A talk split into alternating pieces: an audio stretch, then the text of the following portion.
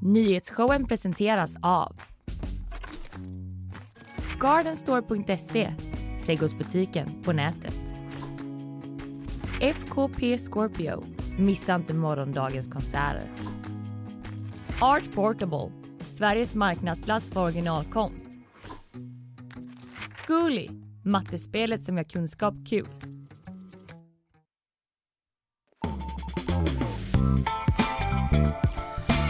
Var det ännu en dag eh, som drar igång tillsammans med nyhetsshowen eh, live från GP-huset här. Vi sänder ut via gp.se och i GPS app och det är Ina Lundström som är tillbaka här i Så studion. är det! Efter sommarlov. Ja! Vi sågs ju förra veckan på Way Out West men ändå kul att liksom se dig här i den här gamla härliga miljön igen. Ja, Vid den här tiden också. Ja. Det här är min bästa tid på morgonen. Jag är jätteglad att vi är tillbaks. Ja, morgonmänniskan Ina Lundström. Nu får Så du är det. äntligen... eh, Du har inte varit uppe så här tidigt bara för att utnyttja din morgonmänniska. Nej, jag brukar ju ligga kvar i sängen efter att jag vaknat. Ja. Om det inte är något som drar i mig. Men nu får du verkligen Göteborg se det från din bästa sida. Det är äntligen underbart. igen. Äntligen igen. Eh, idag så kommer jag att prata lite om eh, trafikolyckan igår utanför Skara där fem män dog. Eh, sen kommer också Arne Larsson hit och snackar om Richard Jomshof. Är han ett säkerhetshot mot Sverige eller bara en modig yttrandefrihetsriddare? Eh, sen i bakvagn och där har jag så mycket grejer så eh, jag vet inte ens vart jag ska börja. Nej. Så jag lämnar det där. Jag kommer eh, laddad till tänderna med ett starkt och eh, utförligt kort. Jag lovar att jag kommer berätta precis allt som någon eh, vill veta om världens töntigaste brottningsmatch. Den mellan Musk och Suck. Ja men vad bra för jag har väldigt dålig koll på det. Jag fattar liksom Du inte. kommer, är det the real veta, deal? du typ? kommer veta allt när jag är klar. Underbart, det ser jag fram emot. Eh, annars då? Eh, mår du bra och sådär? Jag mår bra, jag har ont i ländryggen, eh, jag försöker börja träna. Jag har kommit på att jag inte har en så kallad core. Nej, vi Vad pratade om det att du på ett West att du försökte göra det men då kom Alexander Skarsgård och gjorde massa chins och liksom Exakt, igår, precis, exakt. Alexander Skarsgård knäckte mitt psyke med chins. Igår var jag på pilates. Ja. Jag tänkte där, dit går väl inte Alexander Skarsgård ändå. Nej, Eh, så gick jag in eh, svinnöjd när jag såg rummet omgiven av 80-åringar. Tänkte nu är det jag som går in och Ja. acear den här skiten. Visade sig att alla 80-åringar eh, kunde göra sit-ups och så, utom jag. Eh, jag bara låg och kravlade på marken som en mask. Ah, 80-åringarna fes också väldigt mycket när de gjorde pilates. men det gjorde Det- inte du. Nej, så typ, det var den segern jag Ja. tog med mig. Men det var en grej att vara töntigare än Alexander Skarsgård. Nu är jag också töntigare än alla pensionärer i hela Göteborg. Hade du bytt eh, liksom din, eh, Mm. din liksom, ungdomliga fiskontroll mot eh, en bättre core? När som helst.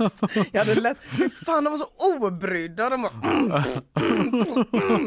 Och så bara låg jag där som en säl. Det var så, åh, det var så förnedrande. någon som Peter som kom fram och bara testa och bara öppna upp eh, ringmuskeln typ? Eller kanske, är det det man gör när man Jag husar? vet inte, de var dunder. De var dunder. Ja. Mm. Eh, Är det bra med dig? Mm. Jo men det är bra. Jag eh, hörde att det ska ju bli utomhusbio på Grönsakstorget. Va? Det ska omvandlas till ett sommartorg. Nästa år? Nej! Det, det är nu. nu. Ja men jag menar det. De här sista utomhus. sex dagarna som Exakt. eventuellt finns på sommaren. Mm. Ja men precis, sommartorg sista veckan i augusti. Ja men det låter ju lite tokigt eller Ja. hur? Eh, lagom till sommarens sista suck händer det plötsligt grejer på grönsakstorget läser jag på gp.se då. Eh, och eh, då säger Karin Pleijel som är miljöpartist och kommunpolitiker här i stan, eh, nu är jag inne i en nyhet här, jag bara kör men Eh, att det ska bli en magnet som lockar till sig människor. Säger Karin Pleijel då som själv var där och roddade igår när vi på Jaha. GP var på plats. Fan, det här låter som ett sånt jävla sista minuten-projekt. Om Karin Pleijel är där själv och typ Ja. är det någon som har en HDMI. alltså det, bara, det känns som att de har kommit på det här sent. Han är uppe med en projektor i något träd så. Hade inte du inlogg till Viaplay? Ja. Det bara låter som... Ja men lite så, så här. det ska bli ett sommartorg om det är så jag ska göra det med mina bara att- händer. Någon har budgeterat för något och sen har det glömts bort under 100-årsjubileet. Ja men du är inne på exakt rätt spår Ina, för det har varit många turer och det handlar ju om pengar och tid, tid och pengar. Det är stadsmiljöförvaltningen som det här ligger på och de har haft en del annat att stå på. Det är jubileum som du sa och Karin Pleijel, kommunalrådet som ansvarar för just stadsmiljö då, miljöpartisten, hon är av uppfattningen att många dragit i förvaltningen den senaste tiden. Ja, jo, det... Kan inte ni kolla på det här och fixa lite med det och sådär. Ja. Eh, har ni gjort, har ni hängt upp projektorn på Grönsakstorget? Va? Då gör jag det själv.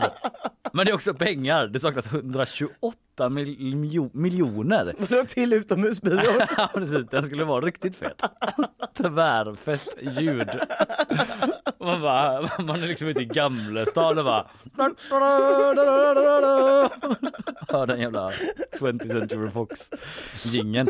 Nej men till hela förvaltningens ja. budget men mm. 4 miljoner skulle vara till just eh, satsningen på sommargator och torg. Inte bara grönsakstorget utan generellt. Okay. Mm. Eh, eh, men nu blir det av i alla fall då mm. så man får väl hoppas att folk kommer kan man känna någonstans. Säger det Karin Pleijel som säger det Nej, när hon det, står med en HDMI-kabel i handen? Det är faktiskt jag. Det är inte alla som hoppas Nej. på att det kommer folk. Nej. Eller jag kommer lite till det men det ska i alla fall bli bio och det är food trucks ja. och det är väl den här parkeringsplatsen du vet som mm. ligger liksom ner mot kanalen. Ja precis. Ja. Eh, ja. den som är utanför, vid hållplatsen Grönsakstorget precis. Ja, kan man hållplatsen mm. upp mot Vasaplatsen. Eh, så att säga, det finns ju två hållplatser. Ja men den parkeringsplatsen som ja, är vid kanalen ja, ja, bredvid kinesiska konsulatet. Ja bredvid kinesiska konsulatet, då är jag med. Ja men precis, och där ska det bli i alla fall. Och eh, då ska de liksom stå där och det är foodtrucks och det är bio och så ska man också då samla in synpunkter från göteborgarna. En liten sån meet and greet. Då undrar man ju om någon synpunkt kommer vara så då, detta var lite sent påtänkt. och de bara, ja, den synpunkten har vi hört. För det är synpunkter om Göteborg, inte om filmen. Nej, det är inte som världens det. största IMDB-event. trea. Svag trea. Karin Player bara, ja, jag antecknar det. Jag vet inte varför det ligger på stadsmiljöförvaltningen, men nu har vi sagt det. Så jag. Nej, men det är mer sådana synpunkter som bara, mm. ja, blir det skridskobana i maj då eller? Ja, ja. Folk bara är nere och roastar dem. Typ. Ja, och de kommer ha det så mysigt ända tills någon säger V-ordet. Att det är någon som bara, det här med Västlänken. Och de bara, ja, nu stänger vi synpunktslådan. Typ.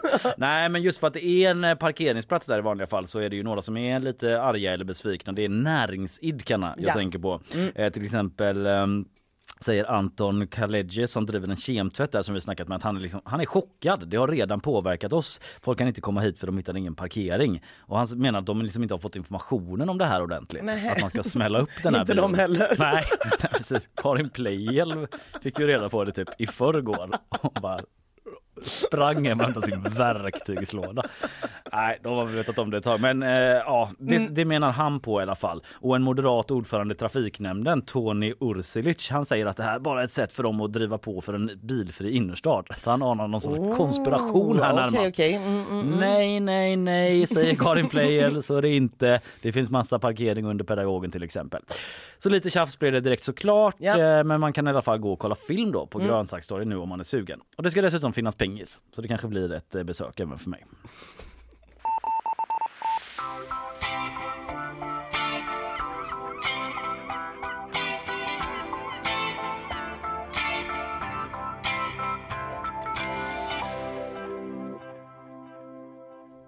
Ja, nu någonting helt annat då. Igår fick vi veta att eh, fem män som alla befann sig i samma personbil dött efter den här trafikolyckan som var i måndags eftermiddag. Jag sa nog igår i löpet där, ber om ursäkt för det.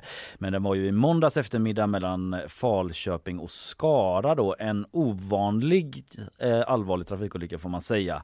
Och tragisk händelse som vi ska prata lite om nu. Det här skedde på länsväg 184 som alltså går mellan Falköping och Skara då strax innan klockan halv fem på måndags eftermiddagen. Och det man vet om detta då det var att det var en lastbil som kom farande i ena riktningen och en personbil i den motsatta och de ska ha krockat. En frontalkrock och att båda fordonen for av vägen och började brinna. Vittnen som vi på GP snackat med berättade att man såg hur den här personbilen satt som liksom fastkilad under lastbilen mm. ute på en grässlänt vid sidan av vägen då efter krocken. och eh, den här lastbilschauffören, han klarade sig och mår efter omständigheterna bra fysiskt. Men samtliga fem i personbilen omkom då alltså. Och de här personerna var mellan 20 och 45 år och jobbade alla tillsammans på samma arbetsplats. Ah, ja. Så de var på jobb då Mm, mm. ute med sitt arbetsfordon. Eh, vi ska lyssna lite tänkte jag på en kille som heter Mohammed Osman som vår reporter Karin Jansson pratade med igår på plats där. Han skulle ha varit med i den här bilen men han var ledig på måndagen för han skulle skola in sin dotter på förskolan. De som satt i bilen var mina arbetskollegor. Vi jobbade i en plats. Vi brukar åka på morgonen tillsammans och komma på eftermiddagen tillsammans. Men jag var hemma med min dotter som skulle börja dagiset igår så därför har jag inte åkt med dem igår. Men jag kunde ha varit i bilen igår. Hur, hur känner du när du tänker på det? Ja, så jag kunde inte sova. Jag kunde inte sova. Jag har svårt att tro vad som hade hänt. Mm, många i sorg och chock naturligtvis. Och eh, åkeriet då som den här lastbilen Mm. tillhörde. Eh, de kommer att inleda en haveriutredning kring olyckan har de berättat. Men de säger också redan nu då att deras bild är att deras chaufför inte har gjort något fel. Eh, och att eh, chauffören som jag sa då efter omständigheterna mår väl berättar om och polisen har inlett en förundersökning rubricerad som eh, under grov vårdslöshet i trafik då men man vill inte berätta om några detaljer utan man ska ju liksom eh, undersöka detta då som sagt. Och eh, på gp.se kan man eh, läsa mer om det här, till exempel om fembarnspappan Dahir Ali som omkom i den här olyckan, eh, intervjuer med anhöriga och andra berörda.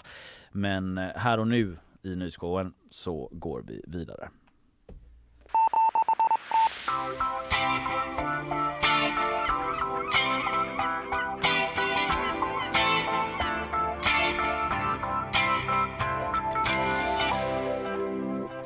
Ja, vi ska få ett nyhetssvep här om en stund. Det har ju varit en kraftig explosion i stan eh, under eh, natten till idag. Det kommer Isabella berätta mer om. Eh, Vi ska få sponsorer nu och sen efter Isabella, då, Blir det världens töntigaste brottningsmatch? sant.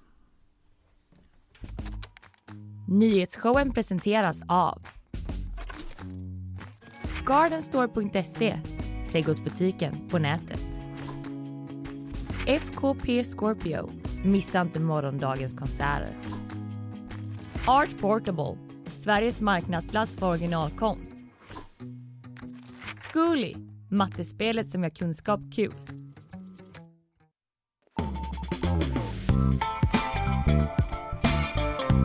Nyhetsshowen lyssnar du på. Det är onsdag 23 augusti. Det är Ina Lundström och det är Jajamän, jag, Kalle Berg. Eh, Mycket riktigt och det är också Isabella Persson som kommit in i studion. God morgon Isabella. God morgon. Du ska ge oss ett nyhetssvep i vanlig ordning. Jag håller ingen på sträckbänken utan eh, lämnar över. Varsågod. Tack. Mm, förlåt.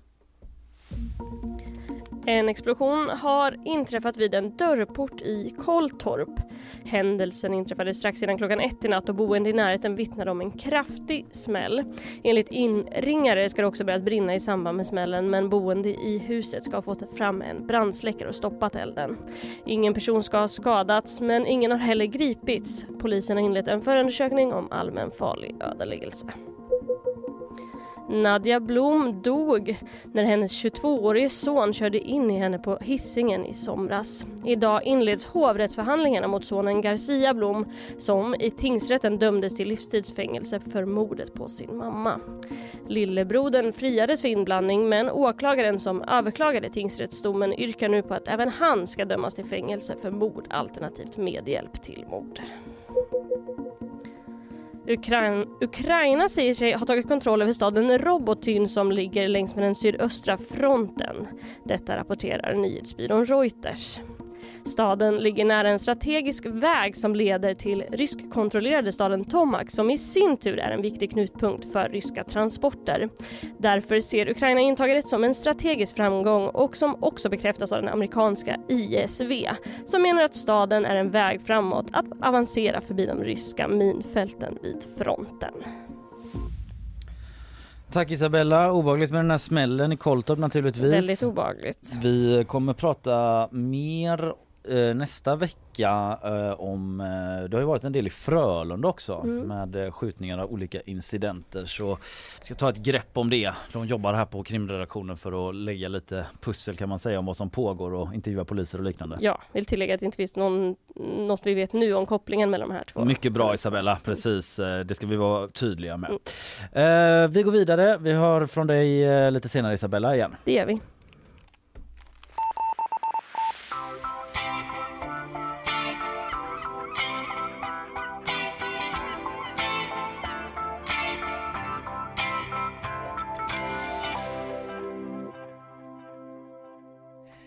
Ja, då har det blivit dags. Världens töntigaste brottningsmatch ska vi prata om Äntligen, nu. äntligen, Kalle, äntligen. eller hur?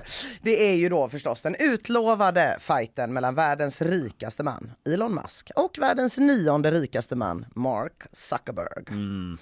De här två, de har ju legat liksom i luven på varandra ett bra tag och det verkar som att det började skära sig mellan dem 2016. Mm. Och som alla bra sagor så börjar även den här i rymden.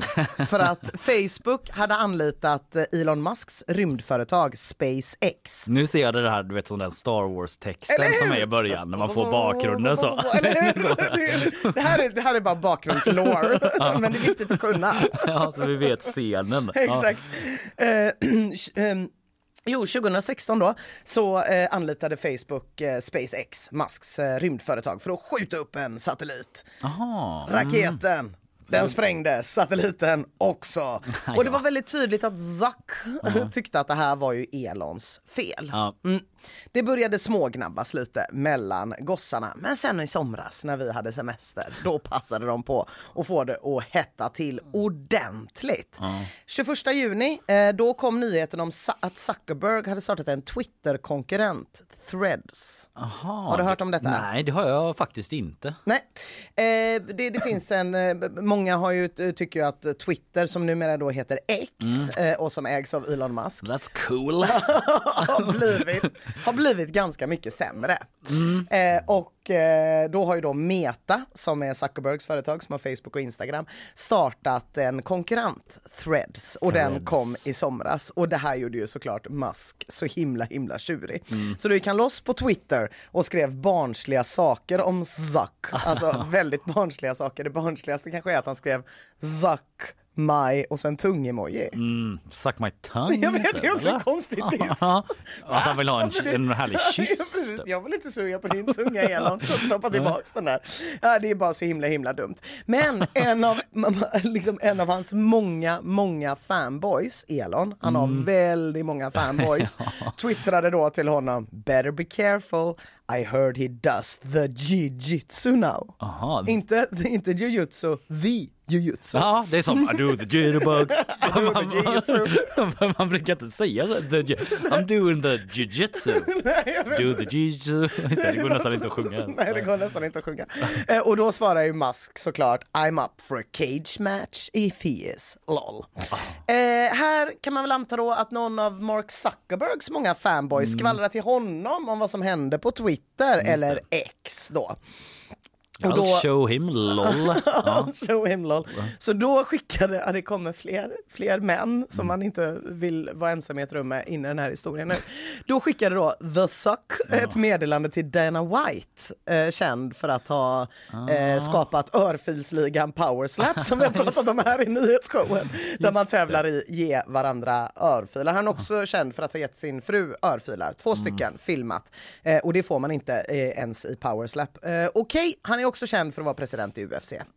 Ultimate Fighting Championship. det. Ja, Men det brukar jag inte prata om eftersom att jag är en powerslap Gary. Skit i det nu. Suck mässar Dana White och frågar, är han på riktigt Musk? Mm. Dana White kollar med Musk. Det är väldigt gulligt att de har en medlare Ja. tycker jag. Som också är så chefen för hela Ja, UFC-ligan då. Ja. Eh, Och han återkommer till Suck med Mm. goda nyheter. Det är på riktigt. He's for real. He's for real. Suck accepterar utmaningen genom att posta en skärmdump då på ehm, Instagram på Elon Musks tweet och skriver “Send me location”. Nu! Handsken är kastad, upplockad, fighten blir av. Men vad blir det för fight? Det är det vi vill behöva Ja. veta här. För att de är ju IT-miljardärer de här. De är ju inte karatemästare. De Nej. är inte the karatemästare. Blir det slap fight? Det blir det slap fight, vad är det som händer? Men det, alltså, de har faktiskt lite fighting-erfarenhet båda två. Zuckerberg, han har hållit på med brasiliansk jiu-jitsu de senaste åren, vunnit några matcher. Musk säger sig ha tränat judo, karate, MMA och lite brasiliansk jiu-jitsu. Det verkar inte finnas några records av det här. Typiskt datanörd att säga det. Precis. Utan några bevis. Jag kan karate. Jag kan the jujutsu, även om det var Zuckerberg. Jag kan karate, ja. Sen har jag mitt svarta bälte hemma hos min pappa. Det känns väldigt mycket så. Ja, jag är inte där förrän nästa vecka. Nej, men Men om jag kommer ihåg ska jag ta med det. Ja, exakt så. Åh gud. Eh, Elon Musk har också enligt Dana White då, citat, varit med i en hel del slagsmål under uppväxten i Sydafrika. Och här känner jag att vi har lite PR-problem. Alltså, det är något som inte låter jättebra med att vara slagsmålsvana om man är en vit person uppvuxen under apartheid i Sydafrika. Man ser inte framför sig så, åh Elon, han var cool och took it to the streets, utan man bara, du ska inte slåss, Nej. sluta genast med det. Eh, Men eh, var det tillräckligt många toxiska män här redan så håll i hatten för dagen efter det här så kastar sig nästa obehagliga douche bro in i leken och den här gången är det våldtäkts och trafficking misstänkta X-fighten och vaccinmotståndaren Andrew Tate. Det är ett jävla visitkort det där. Våldtäkts och trafficking misstänkta X-fighten och vaccinmotståndaren, så heter det. Andrew Tate. Ja, han okej, ja ja. Ja, mm, han twittrar visst. så här. Meta, alltså Zuckerbergs företag. B- Meta banned me everywhere for telling the truth about vaccines. But now we can restore honor with the strike at the enemy clan's leader. I will train you, Elon Musk. Aha. You will not lose. And I will also fight a vaccine. And a scientist. Det är så himla konstigt att kalla Mark Zuckerberg, alla vi som vet hur han ser ut, rödhårig, smal, tanig, som the enemy clan's leader. Men, men, men, men, men. Fan vad han bara vill tappa in på Han vill bara tappa in där det händer. Mm. Absolut. Men som tur är, en dag senare, då kommer en vuxen människa att ge sig in i matchen. Nämligen Elons morsa, May Musk. Ja, hon skriver på X att hon har ställt in fighten. Hon uppmuntrar istället pojkarna att göra upp med vitsar, om jag har fattat det rätt. Hon skriver Fight with words only, in armchairs, four feet apart, the funniest person wins. Skriver hon. Det är lite obehagligt specifikt. Shut up mom! Wedding crashers liksom. Mom! Men det är också som att hon har använt den här metoden på Elon innan. Att de ska vara armchairs att de ska vara four feet apart, att det är väldigt noga. Ja, Ja, jag det är vet inte. därför han är en sån try-hard edgelord Ja, på Twitter och försöker vara det. rolig hela Precis, tiden. för För hans mamma har... Bestämt att det är så man avgör konflikter. Did she do a number on him? Och sen händer inget eh, på ett tag då. Men dagen efter att Threads, då Mm. den här eh, Twitter-konkurrenten som Zuckerberg har gjort, har introducerats, då kommer Zuck tillbaka till Twitter för första gången på 11 år. Han har liksom inte varit Mm. Ja, där. det här känner jag igen lite grann. Ja. Då gick han in, postar en okommenterad bild, den här med två Spindelmannen som pekar på varandra. Ja, just det, just det. Mm. Det går väl enklast att tolka som att Threads utmanar Twitter genom att vara en identisk kopia av Twitter och Mm. att Zuck vet om det. Och nu blir ju Musk sådär jävla tjurig som bara han kan bli. Svara genom att göra det han alltid gör, twittra svinbarnsliga grejer, till exempel Zuck is a cock. Och nästa dag, I propose a literal dick measuring contest. Eh, men sen i början på augusti då kommer det lite uppdateringar om fighten. Musk skriver att han har med hantlar till jobbet för att hinna träna. Och han säger också att fighten kommer sändas på X och att pengarna ska gå till krigsveteraner. Jag vet inte. Jag vet inte. Ja. Okej, ja. Zuck kontrar med att den absolut inte kommer sändas på X utan på en plattform som faktiskt kan livestreama, eh, det vill säga Facebook då. ja, just det. Och då föreslår också Zuck ett datum för matchen, 26 augusti, det vill säga nu på lördag då. Ja. Men, men vi kanske inte ska hålla andan riktigt än, för några dagar senare twittrar Musk att streamingen den kommer nog ske både på X och Meta. Han säger också att han har pratat med Italiens premiärminister och kulturminister och skriver “They have agreed on an epic location”. Colosseum! Eller vad är det, det du hintar om? Att det här ska ske på Colosseum? Oh, Zuck svarar att inget är bestämt och att han då ändå vill att UFC eller någon liknande liknande håller i eventet. Men då säger Musk att nja, lite som du sa där med det svarta karatebältet som är hemma hos pappa. Liten, liten braskis, vi kommer inte kunna slåss exakt just nu. Jag behöver göra en liten, liten operation först. Jaha. Zack skriver, du verkar oseriöst och det här, vi får nog bara ge upp den här Ja. idén om en jävla match. Och så delar också Zuckerberg en skärmdump på en sms-konversation där Musk erbjuder sig att komma hem till Zuck för en träningsmatch. Mhm. Alltså jag följer ju inte fighting-scenen, vet inte om du gör det, men det är väl inte så vanligt att exakt de två som ska slåss ses hemma hos någon och skojbråkar först för att öva. Det känns bara jättekonstigt. grabbiga, så "Ah, kom igen, Nej, kom det igen." känns jättekonstigt. Nej, det säger bara så här, du får träna själv, hör Mm. av dig när du är fär- färdigtränad. Och då eh, blir Musk arg igen. Mm. Och då tar han det lite grann till en ny nivå faktiskt genom att hota att han ska ta en av sina självkörande bilar Mhm. och släppa av sig själv utanför Zacks hus. Och om Zack öppnar dörren då, då blir det fight. Mm. Man behöver typ nämna att den var självkörande. Sån här produktplacering i sin egen tweet. Which is awesome by the way, my new car.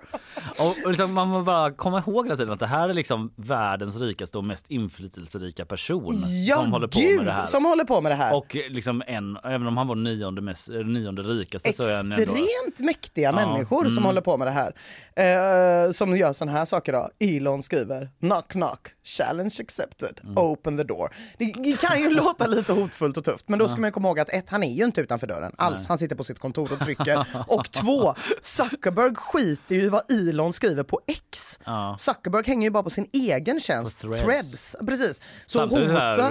Truth Social håller Ja. Trump på och liksom försöker vara med också. Men kanske. det är också så här, att och, hota någon på Ja, X, mm. det är ju lite som att säga så. För det är ingen som är där längre, det är Nej. ingen som hör. Eh, sen blir det sjukt på riktigt när Elon twittrar “Thought you might want some tea, so I brought the bags”. Och här är vi alltså i en situation där världens rikaste man hotar att teabaga Mark Zuckerberg, det vill säga trycka sin pung i Mark Zuckerbergs ansikte. Ja. Men precis som du sa förut, det är ju inte bara världens rikaste män vi pratar om. Det är även några av de mäktigaste. Alltså, Ja. Kanske tack vare framförallt den enorma flotta av satelliter som Elon Musks företag SpaceX har skickat ut i rymden. Än så länge pratar vi 4500 satelliter. Det ska vara 42 000 slutligen SpaceX-satelliter i omloppsbana. Bland annat USAs och Ukrainas militär förlitar sig på de här satelliterna för kommunikation, koordination av drönare och massa andra grejer. Alltså det känns ju inte liksom skönt att man kan stänga ner all militär kommunikation i Ukraina om man bara är liksom en busig judokille som gillar att trycka sin pung i ansiktet på folk. Och sen meanwhile så är det såna enorma ekonomiska klyftor. Eller vet du, Ja. den vanliga personen på gatan i USA bara Ja. Okej, när ska han teabaga honom och när får jag ett jobb? Ja, men precis. De, de, de två stora grejerna. Ja, men bara lyfta in det perspektivet lite snabbt. Ja. Men tack och lov så har då Putin, eh, för att man kan ju ändå vara lite så orolig typ, men tänk om han bara bestämmer sig för att byta sida, Elon. Tänk om han tänker att ah, skit i Ukraina, skit i USA liksom. Jag är med Putin nu. Men Putin, en annan judokille med hybris, har varit ännu taskigare mot Elon Musk än vad Zuckerberg har. Så jag tror inte att Musk kommer byta allianspartner. Det var då när Musk i mars i förra året twittrade, håll i det nu, I hereby challenge Vladimir Putin to single combat. Okej. Han har utmanat folk på Twitter för. Vinnaren i det här fallet skulle få Ukraina, tyckte Elon Musk. Eh, och när Putins talesman ombeds kommentera det här svarade han We haven't been reading Twitter for Nej. a long time. Och det är väl fler och fler som liksom kan stämma in i det eh, påståendet. Twitter, det är så jävla dåligt så ingen orkar kolla skiten längre. Kan det till och med vara så, jag bara lyfter frågan, att Elon Musk har köpt Twitter för 44 miljarder dollar för att ha ett safe space där han kan utmana och hota vem han vill på olika brottningsmatcher utan att riskera att de blir av. Som det gamla ordspråket säger, om en skittöntig brottningsmatch annonseras på X och ingen hör det, kommer det någonsin bli av då? Oklart.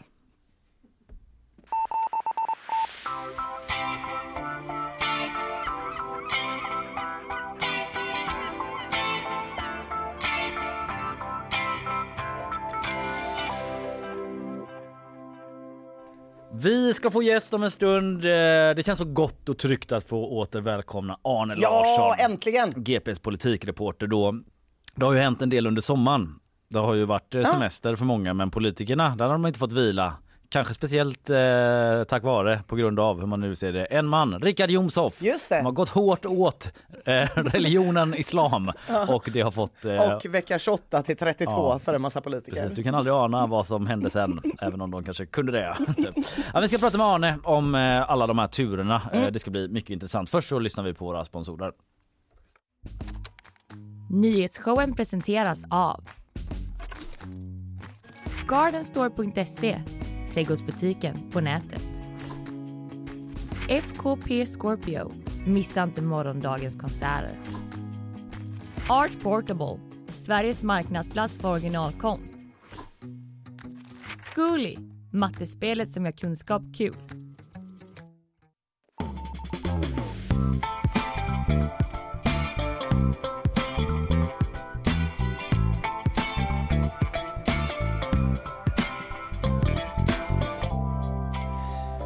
Det är ju nyhetsshowen eh, som sänder ut eh, från Göteborgs-Postens byggnader vid eh, Polhemsplatsen och det är Ina Lundström och det är Kalle Berg som sitter vid mikrofonerna. Och nu har vi varvat igång en tredje mikrofon för vi har gäst i studion. Det har varit sommar, semester, lov men ingen rast eller ro för politikerna här i landet. Och en som är ansvarig för det kan man väl säga är ju Sverigedemokraten Richard Jomshof då vars uttalanden om islam och profeten Muhammed har satt igång en lång radda händelser som vi ska snacka om nu och eh, ja, sidogrejer som uppstått runt det kan man väl säga. Och det känns ju då bra att åter kunna välkomna en trygg röst och gäst till programmet, nämligen GPs politikreporter Arne Larsson. God morgon Arne!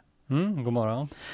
Eh, Du har också haft semester, har du kunnat slappna av eller? Ja men det tycker jag väl. Det, det har inte varit något val eller så så det har varit en ganska bra sommar för att vara ledig för en politikreporter. Mm. Sen är det klart att man har ju ena örat öppet lite grann då för att lyssna av om Man det måste- händer något spännande. Måste ju ändå hajas till en och annan gång i hängmatta inser jag. Jo men det är klart. Mm. Eh, och, och inte minst i samband med det här med koranbränningarna och eh, NATO-processen och de här uttalandena som Richard Jomshof har gjort. Ja, han har ju verkligen blivit mannen i centrum här de senaste veckorna. Bland det senaste vi hörde från honom då var att han inte ångrar något, läste jag i går eller om det var i förrgår.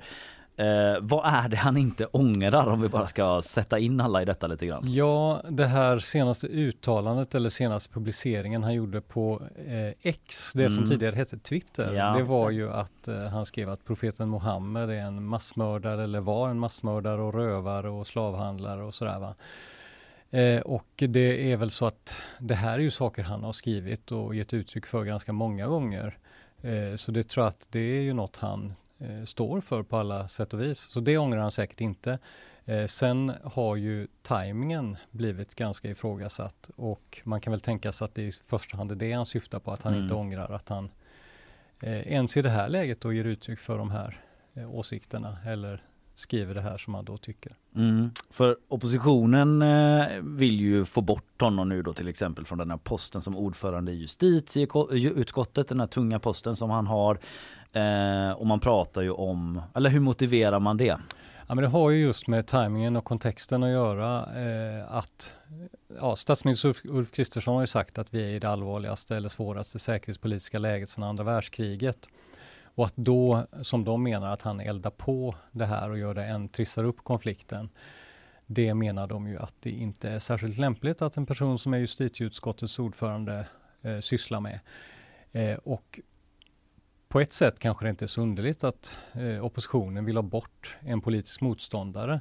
Men det som är lite unikt i sammanhanget är att man ger sig på en utskottsordförande. Alltså ministrar, statsråd, Mm. det sker ju inte titt som tätt men ändå då och då att de utsätts för sådana här misstroendeförklaringar och så har man omröstning i riksdagen eh, som oftast brukar sluta med att eh, statsrådet ändå har stöd.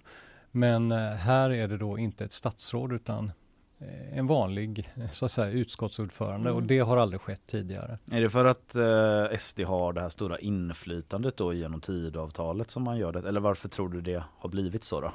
SD har ju en så speciell roll eh, i och med att de inte är med i regeringen och man inte kan utkräva ansvar från dem på det sättet.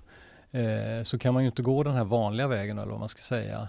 Eh, och då finns det ju ett antal utav dem som har sådana här nyckelposter som ändå de här posterna som utskottsordförande är. Så att det, man ser väl en möjlighet att ändå eh, agera där. Mm. Att inte bara prata och kritisera utan faktiskt göra något som ser ut som att man gör någonting. Men den här liksom speciella rollen då som du säger att SD har, hur blir det för Ulf Kristersson? Var, vad, vad sitter han i för situation nu i relation till de här händelserna? Ja, alltså, jag skrev för någon vecka sedan att han, eh, Richard Jomshov med fler är nog hans största eller något av hans största problem just nu. Eh, grejen är ju den att eh, de har regerat i nästan ett år och det har ju varit ganska glest mellan glädjeämnen om man säger så. Eh, hans gäng gick ju på val, eh, till val på två saker egentligen. Att göra Sverige säkrare, eh, alltså få bort otryggheten och eh, bättra ekonomin. Och ingen nykter människa kan ju säga att Sverige är ett säkrare land idag än för ett år sedan. Det är ju till och med myndigheter då som har skruvat upp den här säkerhetsklassningen. Eh, och inflationen har ju fortsatt. Bensinen är dyrare. De gjorde ju en jättestor sak om bensinpriserna. Den är, ännu, den är dyrare idag. Så att det har ju varit en del så bakslag, eller det har i alla fall inte gått som på räls. Och då är ju den här NATO-frågan en sån här liten sak som skulle kunna bli en fjäder i hatten, något att flagga med. Att här har vi faktiskt tagit Sverige in i NATO. Mm.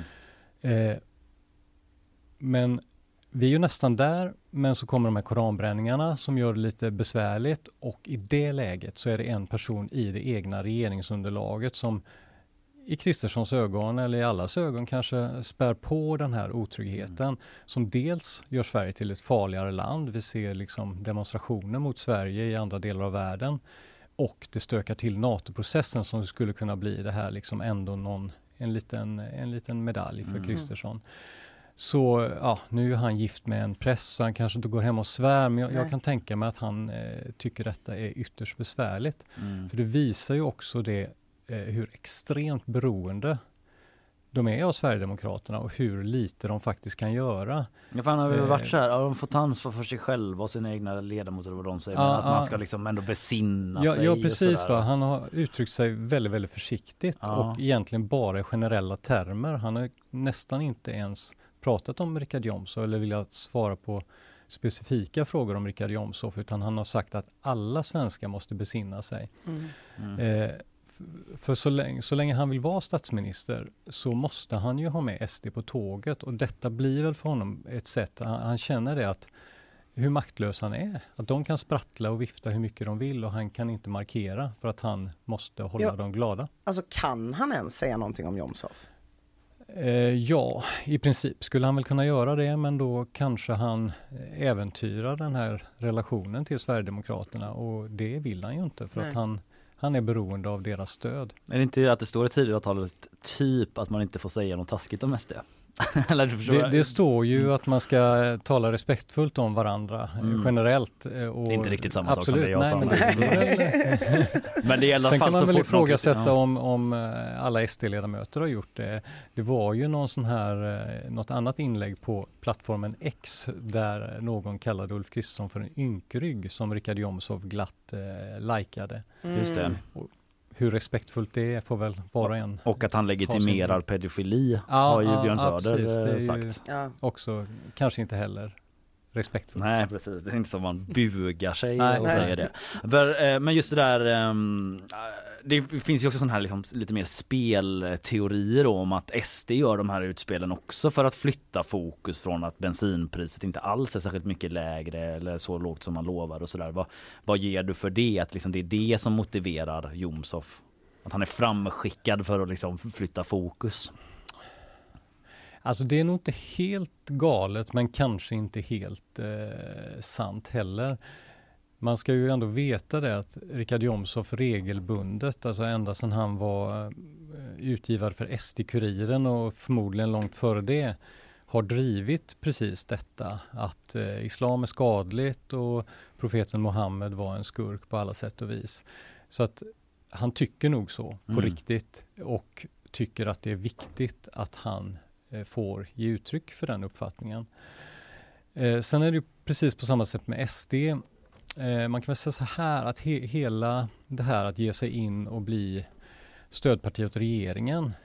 Det är ju lite av ett vågspel för dem för att de har ju byggt hela sin storhet på att stå utanför och att få det att låta som att allt är så himla lätt. Att de här, bara de här andra inkompetenta partierna flyttar på sig så ska vi ordna Sverige och vi ska göra det rätt så snabbt. Mm. Eh, till exempel bensinpriset då, det skulle de ju ordna. 9 kronor billigare skulle det bli med diesel ganska fort. Och nu ett år senare så har ju ingenting hänt, bensinen är dyrare. Eh, så det är klart att de grejerna är ju jobbiga för de vill ju inte bli ett av de här vanliga partierna som tillsätter utredningar och förklarar bort saker utan det, det ska ju vara action, action liksom mm. från deras sida. Eh, så då är det väl bra att folk pratar om något annat. Ja. Och, och, där har ju både Björn Söder och Richard Jomshof säkert en viktig roll i att hålla de här gamla väljarna på gott humör genom att visa att de inte är de här foträta politikerna som står i slips och kostym och, och liksom bara bortförklarar mm. allting.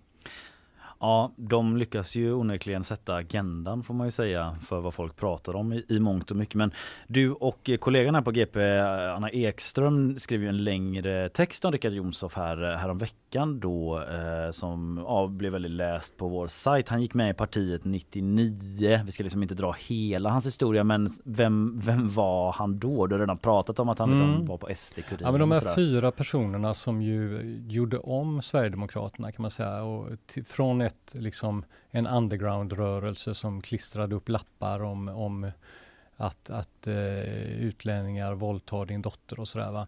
Till ett parti som faktiskt kom in i riksdagen och det var, de träffades i Lund uh, där de alla pluggade. Jimmy Åkesson, Mattias Jimmy Karlsson. Åkesson, Mattias Karlsson, Björn Söder och Richard Jomshof.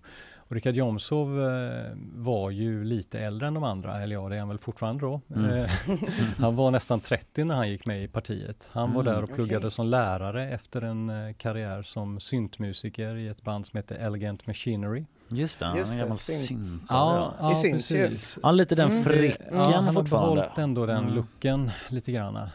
Eh, och, och ja, riktigt liksom hur han eh, smög in i det här gänget, det vet man väl inte men man kan väl säga att eh, det är ganska tydligt att både Mattias Karlsson, han är ju någon slags hembygdsromantiker som mycket har det här ja, eh, drömmer sig tillbaka till ett Sverige med röda stugor. Det, det, där liksom kommer hans ideologiska bas ifrån och Jimmy Åkesson kom ju mycket in i det här nationella via Ultima Thule och vikingarock och också sådär att det Mm. Ja, någon slags nationalromantik på något sätt. Richard Jomshof har mer själv beskrivit det som att han eh, kom in via det här med religionskritik och att han funderade mycket över vad Sverige var och varför Sverige och de nordiska länderna var unika. Och att han tidigt liksom såg det här hotet just från islam då som mm. han upplever. Eh, så att där någonstans ändå eh, fann de varandra i någon önskan att göra Sverige svenskt eller svenskt på det sättet som de tycker Just det ska det. vara. Mm. Mm. Men vad, vad, vad säger Jimmy Åkesson nu då? Han har ju egentligen hela tiden sedan valet förra hösten, eller i alla fall sedan Tidöavtalet blev klart, hållit en extremt låg profil. Vet man eh, han har ju varit eh, utbränd tidigare menar jag. Ja, jag ja det fel sägs att spekulera, väl men... att det inte handlar om det utan kanske mer en planerad ledighet ja. eftersom man räknade med att det inte skulle hända så mycket första året. Nej. Men eh, enligt sådana sammanställningar som gjordes då när riksdagsåret tog slut i, ja, strax före sommaren här mm eh, så visade det sig att han hade 96% frånvaro från voteringarna i riksdagen. Så det är inte heller så att han har prioriterat riksdagsarbetet Nej. före och, och liksom sitta och bli intervjuad eller så, utan han, han har varit Mm. Ganska mycket bortkopplad verkar det ju som. Han ska väl vara ledig någon gång också? Ja, ja precis. Mm. Han har ju ändå burit det här partiet på sina axlar i ganska många år så mm. att det kanske är något sånt tänk.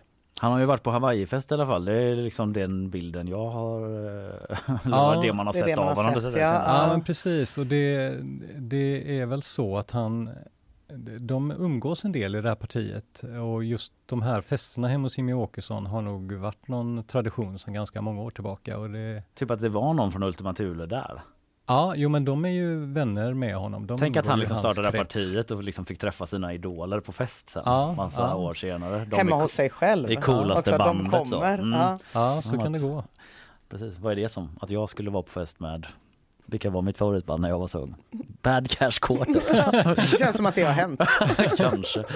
Ja, ja, eh, nog om mig. Men eh, Jimmy Åkesson eh, håller ju ett sommartal nu på lördag och du eh, ska dit tillsammans med en massa andra journalister får man anta. Mm. Vad eh, förväntar du dig och vad, och vad vill du fråga honom? Ni får väl chansen att ställa några frågor. Ja, nej men så är det sagt att han ska ha lite tid för intervjuer efteråt så att det, det är väl också bekvämt och då behöver han inte ens lämna Sölvesborg och han ändå får eh, bocka av en massa journalister och, och visa upp sig. Nej men eh, det, det är ju förstås intressant att höra med honom hur han ser på den här perioden. Eh, och sen är det väl också intressant att försöka få lite mer svar på hur, hur planerat det här, den här ledigheten eller vad det nu har Mm. varit, hur, hur det har varit och om han tänker komma tillbaka i full sving igen eller hur planen framåt ser ut. Mm.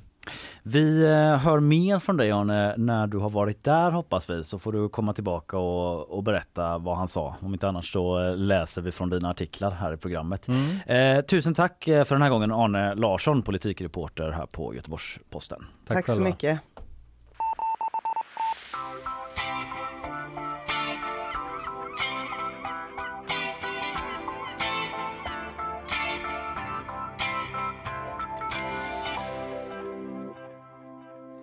Ja, mm, där blir man uppdaterad på eh, hur det ligger till. Ja. Eh, Vi ska in i bakvagnen sen. Eh, Jag har liksom, det är björnattacker och det är en ny skandalfestival och det är en sverigedemokrat som är något av en cowboy. Det är, det är Wow! mycket. Jag hör otroliga saker. Ja, Mm. ser jag mycket fram emot. Yes, men först lyssnar vi på våra sponsorer. Nyhetsshowen presenteras av Gardenstore.se, trädgårdsbutiken på nätet. FKP Scorpio, missa inte morgondagens konserter. Art Portable, Sveriges marknadsplats för originalkonst. Zcooly, mattespelet som gör kunskap kul.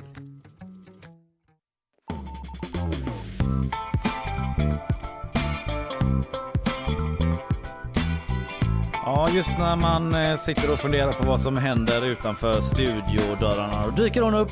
Isabella Persson som ju alltid har ett öga på det senaste. Visst är det så? Ja, jag försöker i alla fall. Var du med, mitt dig, bästa. var du med dig till oss den här gången? Nej men jag tänkte vi gör en liten uppdatering på um, eh, explosionen i Kolltorp. Ja. Mm.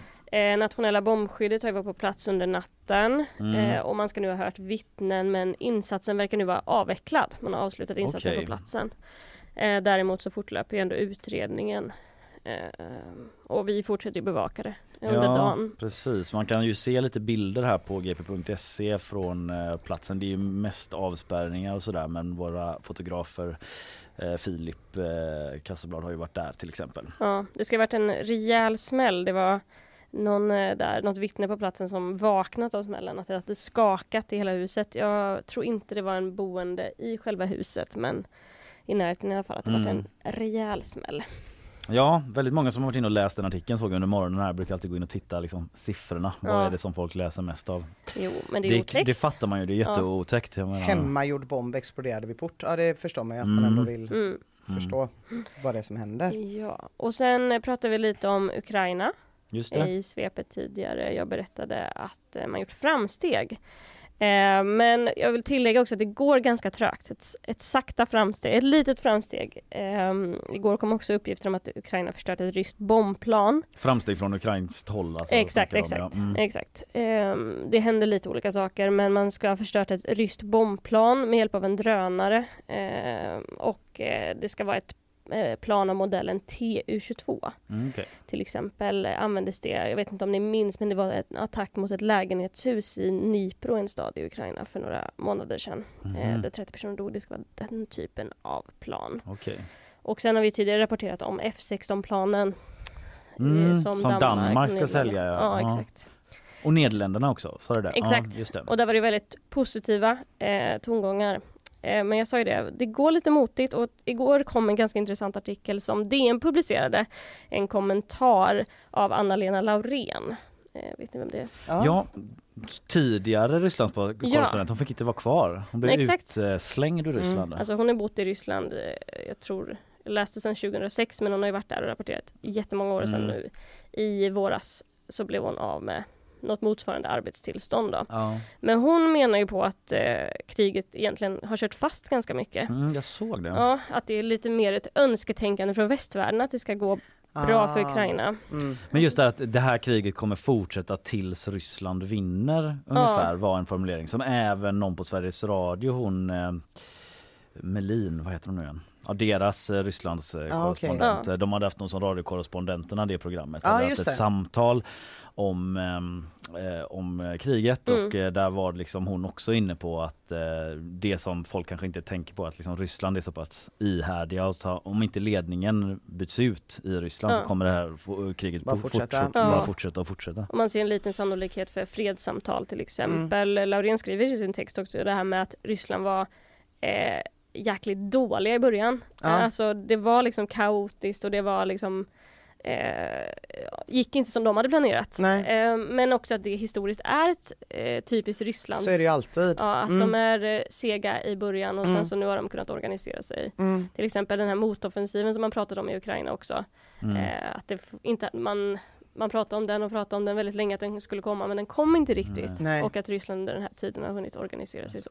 Så även fast det kommer lite framstegsrapporter från Ukraina så känns det som att kriget Mm. har kört fast ganska mycket. Johanna Melén på Sveriges Radio tror jag Ja. det var som sa det. Ja. Eventuellt Maria Persson Löfgren som också har varit Rysslands korrespondent. Mm. Ja, eh, intressant eh, Isabella. Eh, vi tackar för det eh, och vi ska vidare med lite bakvagnar i nyhetsshowen. Tack Isabella. Tack.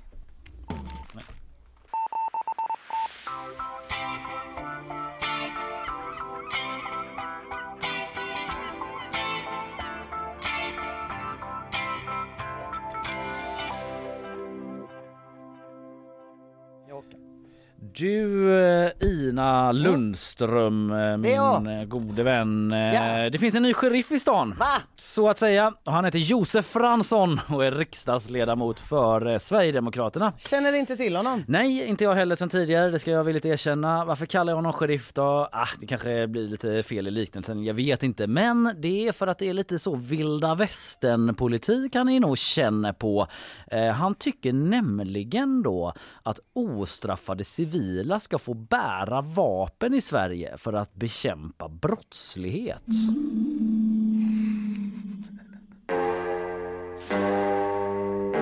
Det tycker han. Det tycker han. Mm.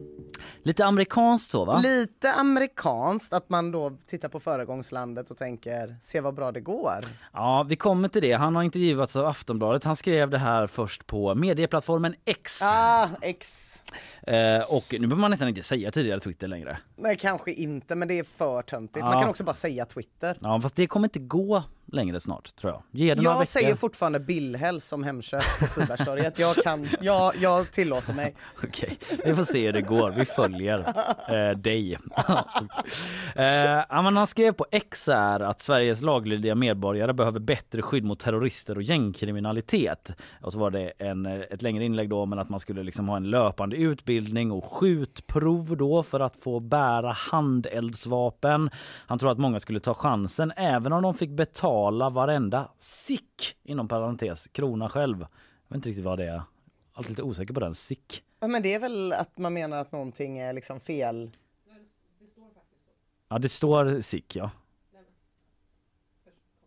Ja, skitsamma. Emelie försöker förklara. Ja, får förklara, en normalbegåvad försöker förklara för oss. det Ja, går sådär det går för oss sådär. två. I alla fall han skriver så, vad säger ni själva liksom? Eh, och så hade han en liten diskussion där på Twitter om det och då har Aftonbladet ringt upp då liksom och han eh, eh, menar att till exempel så skulle om allmänheten hade haft eh, vapen på sig då så hade dådet på Drottninggatan kanske aldrig skett så här. Om man jämför oss med USA som definitivt inte har ett perfekt system säger han.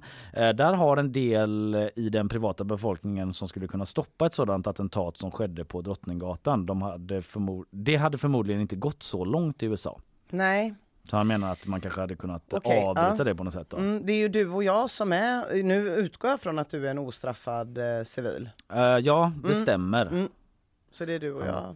Ja men det här sick bra Emelie, det betyder typ eh, ja det står faktiskt så. Ja, Eh, även om eh, någon skrivit eh, felstavat typ. Ja. Just det. Ja, skitsamma, det var bara en parentes. Men bra att vi redde ut det eftersom jag eh, rörde till det så himla mycket i onödan. Eh, nej, men precis. Och, men sen så är han så att han, han, han säger liksom att det inte är kreti och pleti som skulle få ha Åh nej, då åker du och jag bort Ja, igen. precis, det kändes precis inte vi som i att alla fall. Det känns precis som att vi hade ena tassen på skjutbanan. Ja, tillbaka. eh, hej, eh, kreti och pleti. Ja, det är vi ja. Då det är dörren där. Nej, men det skulle kanske framförallt eh, ha eh, att göra med eh, folk som typ har vapenlicens. Förmodligen skulle det vara många jägare eller folk som har ett intresse för sportskytte. Mm. Mm. Just det, de som ändå gillar att skjuta, de kan Mm. få skjuta mer. Likhetstecken med eh, rimlig. Ja, rimligt. Eller något. Ej kreti och opleti. Precis, Här kommer också ej kallar. kreti och opleti, ni älskar att skjuta. De ska ut på björnjakt här så det är inget konstigt. Ja så det, eh, det tycker han men man ska ju säga då att han har liksom inte motionerat Nej. om det här. Det Det här är en intervju, förslag. han har sagt detta. Han, han prövar tanken Mm. i sociala medier och får frågor av Aftonbladet efteråt då. Men man ser ändå framför sig hur han skulle dyka upp i något bostadsområde och bara Now, why y'all want to come into my town and start trouble? Scare all these nice people? Och så liksom rider han iväg, bara drar pistolen och Clintan sneglar på liksom tre stycken Shottaz medlemmar och så. Bara, chopa, chopa, chopa. Jag vet inte om det är det han vill. Eh, Men ehm, Jag tror det kanske är det. jag snackar alltså om SD-cowboyen Josef Fransson då som rider in i skymningen efter ännu en dag av brottsbekämpning. Just a man and his gun. Alltså cowboysen har en, eh, de har något av en period nu får man säga. Eh, Han du i somras höra den här låten eh, Try that in a small town? Nej. Nej okej, ja, det blev en jättestor kulturdebatt i USA.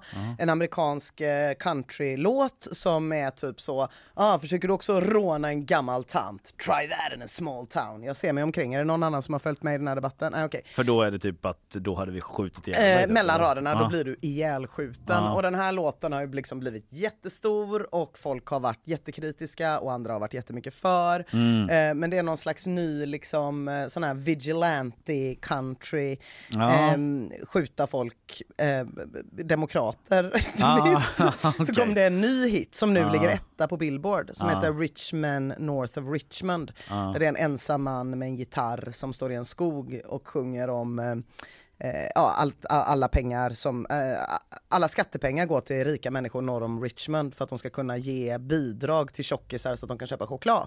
Låter ju helt sjukt, Ja. men den här låten är etta på Billboardlistorna så att eh, Är det sant? jag kanske får återkomma till den i nyhetsshowen. Ja, jag trodde att det här var en stor eh, grej alla var med Nej, om. jag har missat det här Men eh, helt. cowboys verkar ha en, eh, det är många som vill rida på cowboyens rygg dessa Ja, dagar. alltså så Josef. Fransson kallar ju inte sig själv för cowboy. Det får jag Nej, väl ändå vara men det är tydlig med. implicit. Ja, det är implicit. Eh, Vi kan väl ta en liten till ljudillustration bara för stämning, hur det skulle kunna låta liksom eh, i filmen om eh, Josef eh, Fransson typ. Tänk han kommer så här in i någon Stockholmsförort. Bara till häst. Hölstrat vapnet. Josef Fransson, Och inte kreti och pleti. he had a horse Along the countryside, along the countryside. saw him ride. I saw him ride. He had a gun. Oh yes he did. Didn't know him that well though. Hörde om honom första gången nu.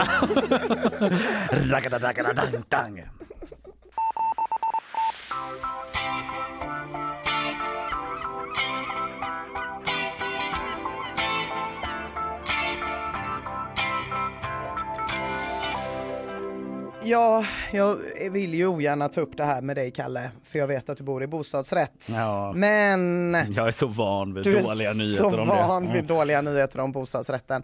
Eh, bostadsrättsföreningar behöver höja avgiften med Ja, 40 ja, till ja. 50 procent. Ja, ja. 40 till 50 procent, ursäkta. Jag typ satte kaffet i halsen eh, slump, av en slump men det hade verkligen Ja. kunnat vara av den siffran. Jag förstår det. Det, det. det har ju varit väldigt mycket räntehöjningar för människor som bor i bostadsrätt. Jag tittar på bland mina bekanta, jag hör mig för, jag hör tjejer, folk säga saker som, jag, jag, jag, jag fnissade i början, det gjorde jag, det ska jag säga villigt. Eh, Jag var lite så här, "Ah, ah", nu typ varje gång någon har sagt så, vi väljer att köpa för det är bättre att investera i sig själv än att betala till någon hyresvärd. Så jag har suttit där med mina familjebostäder, kontrakt och varit så här, eh, vi får väl se. Och sen så har det där se aldrig kommit utan priserna för bostadsrätter de har gått upp och upp, räntorna har gått ner och ner. Och då när det, det här kraschade en gång då fanns det, det ska jag erkänna nu, liksom ett, en liten stund av skadeglädje som jag gett uttryck för här i nyhetsshowen bland annat. Men nu har jag ju flera nära vänner som har fått ökade kostnader per månad som är så 15-16 000 spänn per hushåll. Ja det är ju, men det är ju katastrof. På bara räntor. På Ja. Mm. bara, det är ju det. På bara räntor. Och nu har det ju också, ger det ju, ja. Så att det- det känns faktiskt inte så jävla kul längre och därför så blev jag faktiskt lite bekymrad när jag såg i DN att HSB gick ut och sa att man behöver höja avgifterna med mellan 40 och 50 procent. Och jag vet inte vad en avgift på en bostadsrättsförening brukar vara. Låt oss säga att den brukar vara 5 000 Ja, spänn. det Då är det det vara. 2 och 5 till. Väldigt olägligt kan man tycka. Det är Johan Lindén på HSB Stockholm som uppmanar till eh, avgiftshöjningarna. Han säger att det bland annat beror på eftersläpande prishöjningar.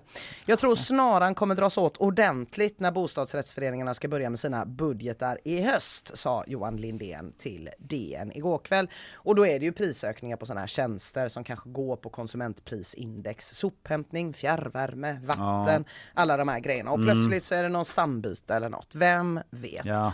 Men som en litet, litet plåster på såren så kollade jag lite vad som har rapporterats om det här innan. Eh, och DN rapporterade den 7 juni också att HSB sa nu måste de höjas. Och de rapporterade redan i januari på SVT att nu måste de höjas med Ja. 40 procent. Då var det fastighetsbolaget Nabo som sa det. Så att det har ändå skrikits om det några gånger utan att det har hänt. Det är väl typ det enda jag kan säga som en tröst. Ja, härligt. Jag har också en eh, tröst att vissa eh, liksom kanske kommer klara det här bra. Det är i och för sig Storbritannien, men som ett litet påhäng. Jag läste eh, på GP igår att brittiska företagsledare de fick en markant lönehöjning under fjolåret i alla fall Jaha. och tjänar i genomsnitt 118 gånger mer än medianlönen i. Storbritannien. Så de kommer kunna ta och tackla den här räntesmällen Precis, antagligen. så om man- Även om de har höga lån. Om man redan har en månadskostnad som är 16 000 mer än vad det var Mm. för ett år sedan och man ovanpå det får en höjning då så att den kanske man får 18 000 extra, då är det ju bara att bli en brittisk företagsledare Mm. Ja, och sluta gnälla. Precis. Kanske att man eh, börjar liksom ultimate fighta andra rika. Andra brittiska. Det hade varit väldigt roligt om det, om det där smittade av sig på en mycket lägre nivå. Ja. Alltså mellanchefen på Semcon utmanar mellanchefen på typ, jag vet inte, Scandic till Ja, en batalj. Och så slåss de högst på industriområdet. Ja. Kriga på Trello.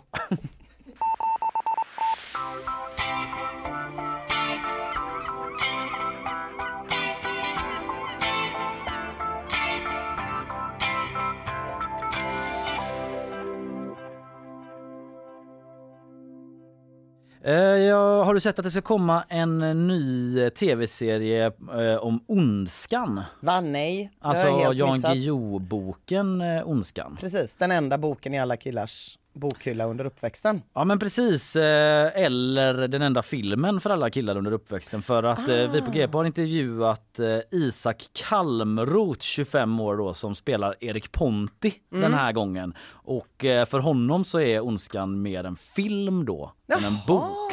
Eh, först och främst är det en film belönad med tre Guldbaggar och nominerad till en Oscar. Men nu har han liksom läst boken och eh, ser fram emot att spela detta.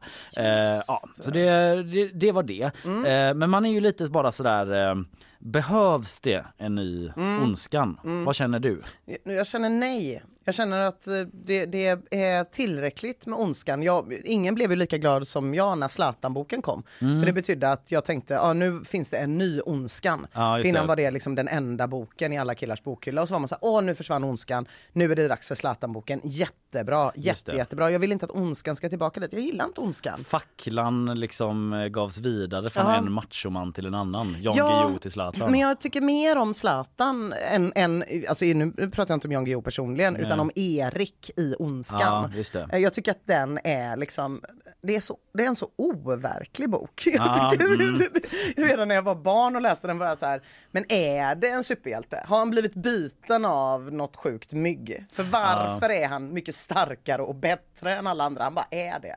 Ja, Okej, eh, end rant. Ja men de har, eh, det är ett litet problem de har själva med Erik Ponti som eh, är med i intervjuerna som Jan Andersson har gjort när han snackar om med seriens regissör Erik Leijonborg typ eh, det här med att han, Erik Ponti ska ju vara liksom en, en lite sådär tystlåten, att han blir mobbad och sådär men samtidigt så är han eh, typ asbra på att simma och råbiffig. Ja. Så att eh, det finns eh, eh, så här, det är nästan som man undrar hur de äldre eleverna på Stjärnsberg, eh, skriver Jan Andersson då, vågar bråka med internatskolans nya muskelpaket. Ja. Då svarar regissören Erik Leijonborg det var lite kluvet det där. Vi vill ju att Erik Pontus ska framstå som en driven slagskämpe, alltså behöver Isak vara vältränad. Samtidigt måste det vara trovärdigt så man hoppas att eh, man ska se förbi det rent kroppsliga.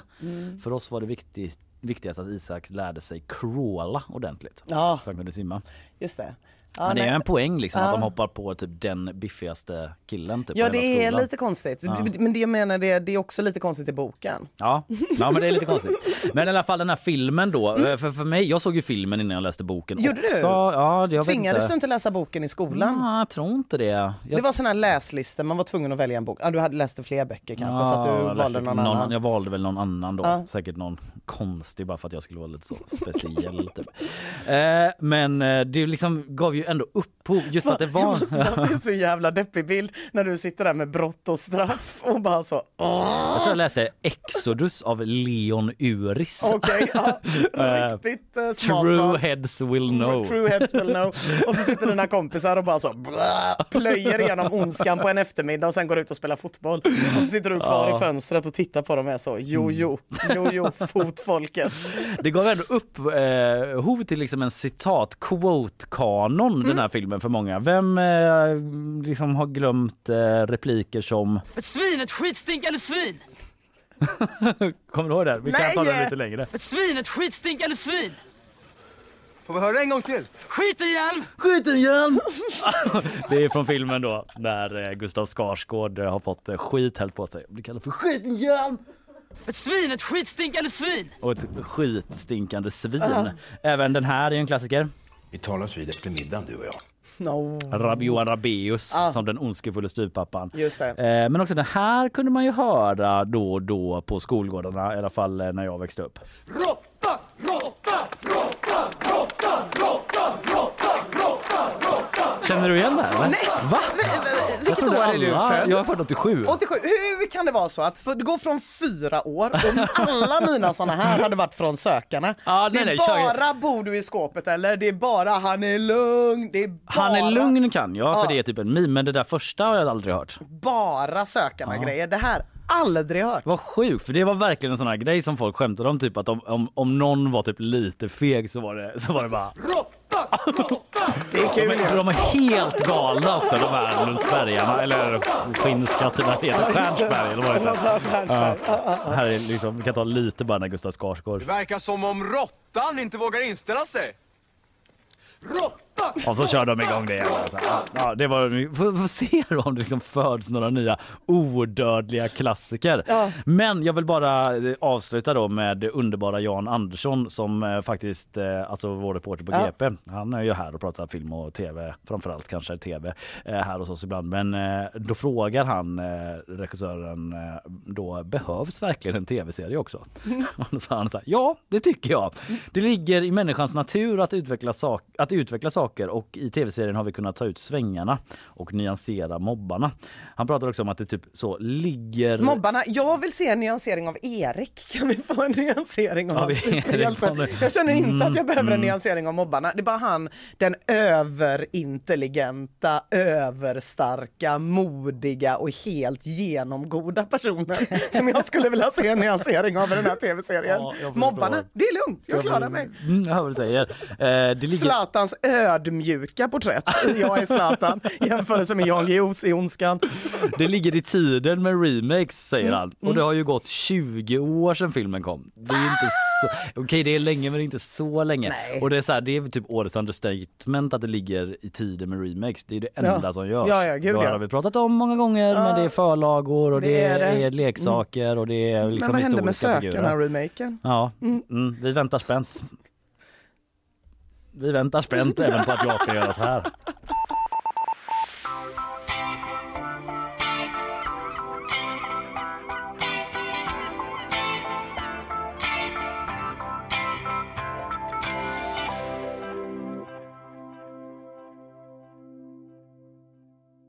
Ja, eh, jag eh, sände ju inte igår utan satt på kontoret och liksom Oh. laddade upp då med massa olika ljudklipp och grejer så jag tänker att jag, jag bara betar av här Men så jag snälla liksom någon, gör det. får ur mig det. Ja. Eh, är du redo Ina? Det vet jag inte. Är du redo för det här? What's up, guys? This is a big day because as of right now, Fire Festival 2 tickets are officially on sale. Yay, jag är med! Jag är med. Fire Festival, kommer du ihåg Fire. Festival? Ja, ja, ja, såklart jag gör. Nu är det dags för Fire Festival 2. Fire Festival var ju den här eh, ja, festivalen då där Billy McFarlane som vi hörde i klippet eh, lanserade det som någon sorts lyxfestival. Eh, festival. Ja. Det skulle vara skit Influencers. nice, influencers skulle dit. Det var vissa stora artister kontrakterade. Vem var det nu igen som Eh, var? Det, alltså den, den stora... Det var någon stor rappare. Det var ju Ja Rule var ju Ja med Rule, som ja. medarrangör Just det. eh, till detta. Ja, det var nog han jag tänkte på. Och så kom alla dit och då var Mm. det liksom några rack, rackliga tält och eh, liksom svineklimat och det var liksom, det kom ju en dokumentär om det här som alla pratade om.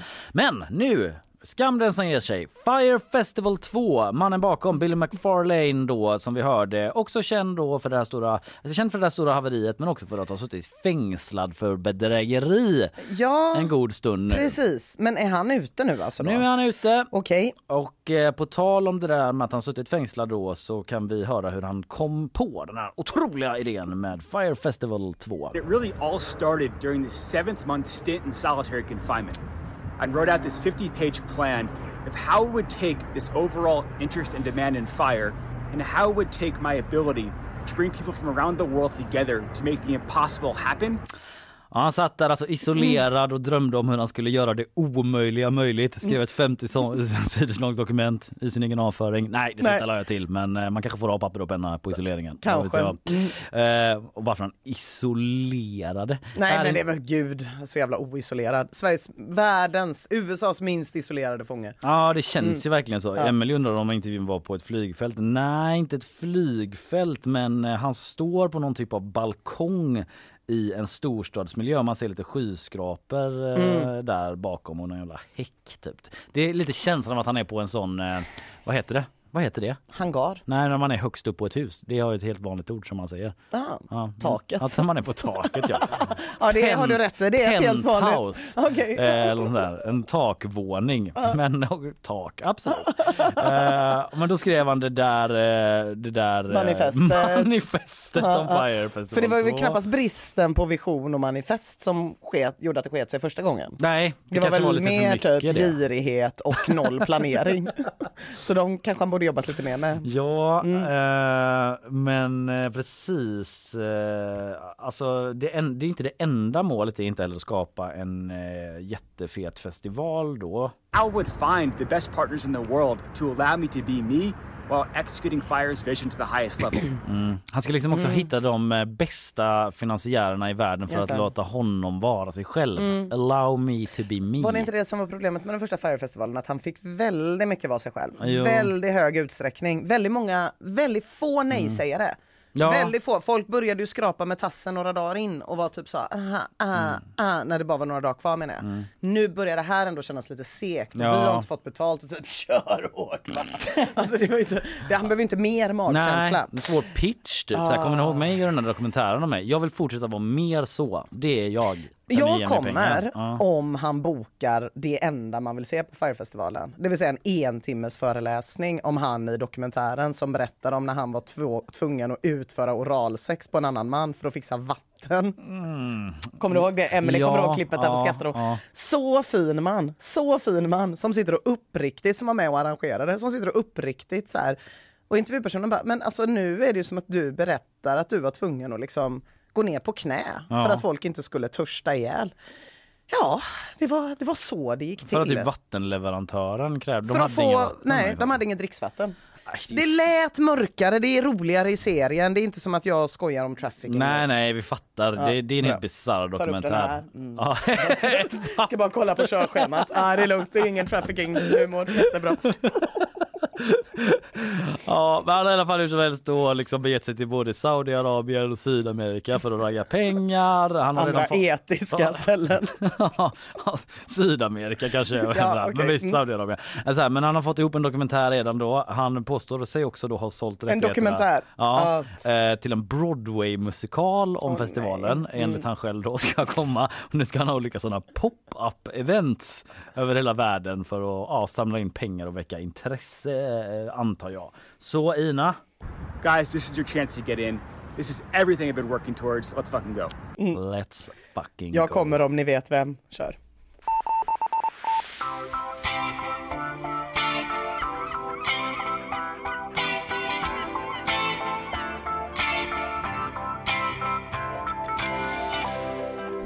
Eh, oklart om Ja Rule är med på nästa upplaga av Fire Festival. Men Mm. en annan eh, 90-talsrappare mest känd för att eh, vara på an- refränger till andra låtar. Okej. Konstig övergång! Ja. Sean Diddy Combs är också aktuell.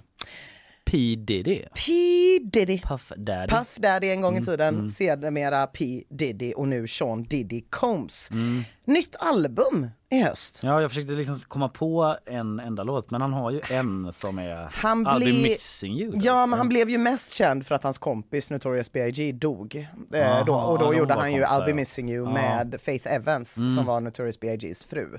Mm. Eh, så att han blev ju eh, lite, han åkte ju upp lite i popularitet. Men sen när- har han varit mycket en entreprenör. Typ? Väldigt mycket entreprenör, Ja. mycket kepsar, skor, eh, Ja. säkert någon mobiltelefon, säkert ett par hörlurar, säkert en festival. Ja. Jag bara gissar. Ja. Mm. Det kommer i alla fall i höst, The Love Album Off the Grid Yesterday, eh, 15 september och det blir producentens första egna släpp på 17 år. Ja, läser jag här. Mm. Mm. Den 15 september 2023 väcks R&B till liv igen, säger Diddy på X, nej på Instagram. Ah, han är en Zuckerberg-boy, Ah. han är en meta, meta boy. Suckerhead. Zuckerhead. Eh, Så sen dess, så, eh, sen 2006 då, så har det inte kommit någon skiva och han är ju ändå känd för att ha mm, ganska feta collabs. Det är han kanske. Jag, Mm. du, det här kan ju du bättre än mig men... Nej men det kan nog vara en och annan eh, som eh, är med på den nya skivan. Det är faktiskt, det står fan med här ju. The Weeknd, Justin Bieber, Mary J Blige, 21 Savage, ingen aning om det är. DJ Khaled, oklart. Buster Rhymes vet jag, French Montana, eventuellt en Taylor Swift-kopia. Jag vet inte. Ah. Men jag vet vem Justin Bieber är, jag vet vem Mary J Blige är. Vissa av Eh, de och här- Buster Rhymes. Ja, det, det ser man ju fram emot ändå. Alltså för många av de där artisterna känns det som att alltså alla gör ju collabs nu för Ja. att liksom täcka in så mycket marknadsintäkter som möjligt. Just det. Alltså det, vilka var det du sa där i början särskilt? Eh, Justin Bieber, The Weeknd. Ja men typ som The Weeknd Mm. känns som eh, att han gör jättemycket egna låtar men också så här, har gjort hur mycket så här collabs och sånt som helst. Ja, nu ja, gissar ja. jag lite ut och far typ men att det är collaben är ju den nya laben bara. Det är, det är som att man måste specificera om man gör en lab. Ja precis. Ah, okej. ja, det här är en lab. Mm. Annars utgår vi från collab.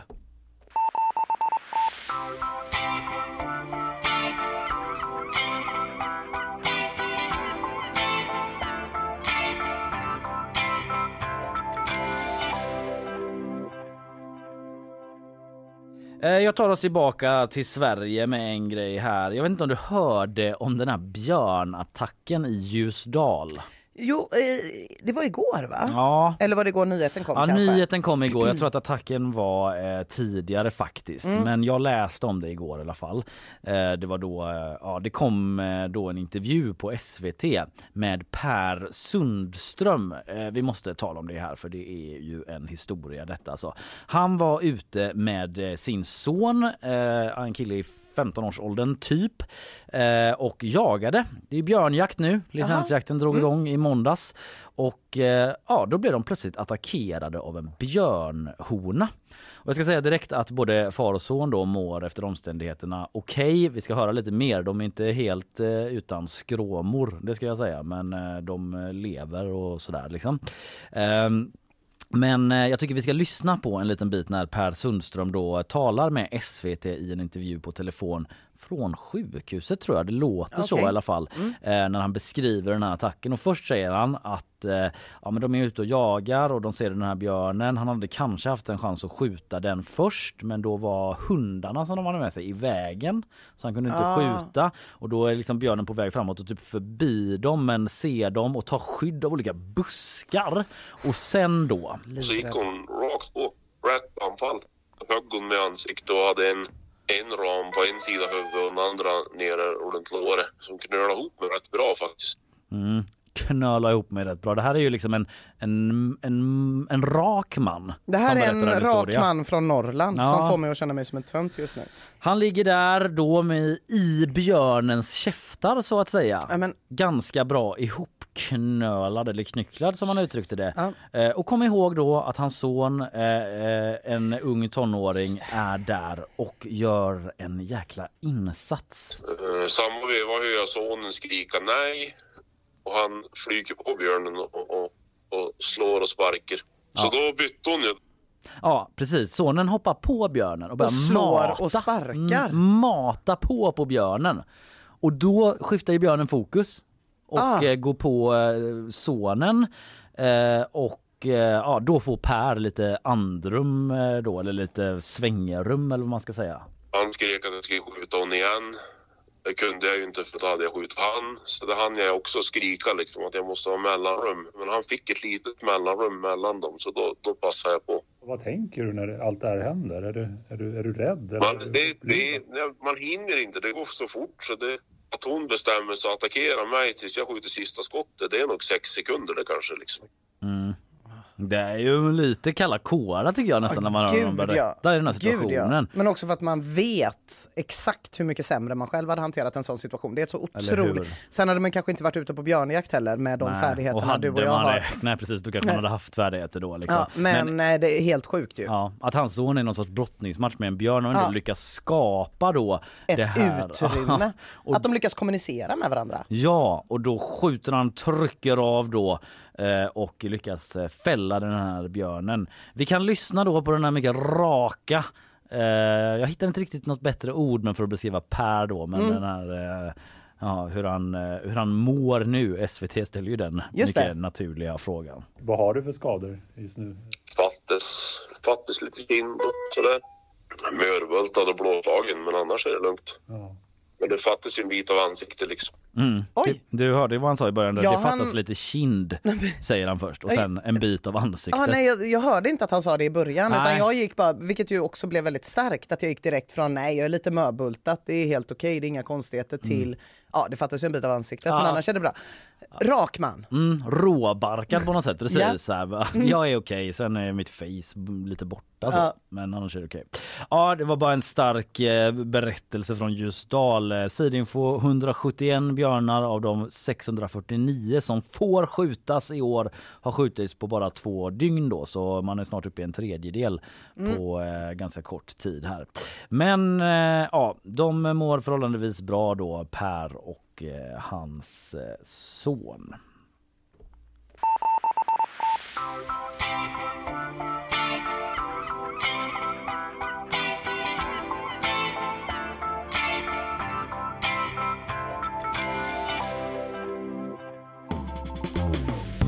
Ja, det var väl det hela för idag va? Det var det. Mm, eh, du har pratat om Världens töntigaste brottningsmatch mellan Elon Musk och Mörk Zuckerberg. som skulle nu på rum. lördag skulle det ägt rum om inte Elon Musk hade blivit skadad. Men, eh, och ifall hans mamma inte går in och avbryter så Mm. antar jag att jag tyvärr kommer vara tvungen att göra en liten recap nästa vecka om bara snabbt vad som Ja, har hänt sen händer? sist. Uppskjuten på obestämd tid då. Ja. Jag eh, talade om det nya sommartorget som äntligen blir av på Grönsakstorget. Där blir det utomhusbio de sista skälvande dagarna här av sommaren eh, som går mot sin sista suck. Eh, Sen talade jag också om eh, olyckan utanför Skara där fem män omkom. Eh, vi hade också gäst Arne Larsson Underbara Arne Larsson var här och talade om Richard Jomshoff och hans eh, ja, islamkritik då för att uttrycka det milt och eh, alla reaktioner som det har lett till och säkerhetsdiskussionen i Sverige och sådär. Stort politiskt rabalder om det. Ja. Sen hade vi en lång bakvagn också men jag ska inte upprepa allt vi pratade om där utan eh, lyssna på podden som kommer Ja, ut gör det. eh, om du kommer in nu och bara va? Vad var det i bakvagnen då? Ja. Jo. Vet du vad man också kan göra? Nej. Följ oss på Instagram. Jag bara Jajamän. säger det. Säg det. Kul grej. Vi heter Nyhetsshowen där. Det händer en del gott efter programmet. brukar komma upp lite extra innehåll och det finns lite roliga reels och grejer sådär. Eh, vi tackar väl för oss va? Ja, tack så mycket. Ha, Ha det det gott. gott. Hej hej!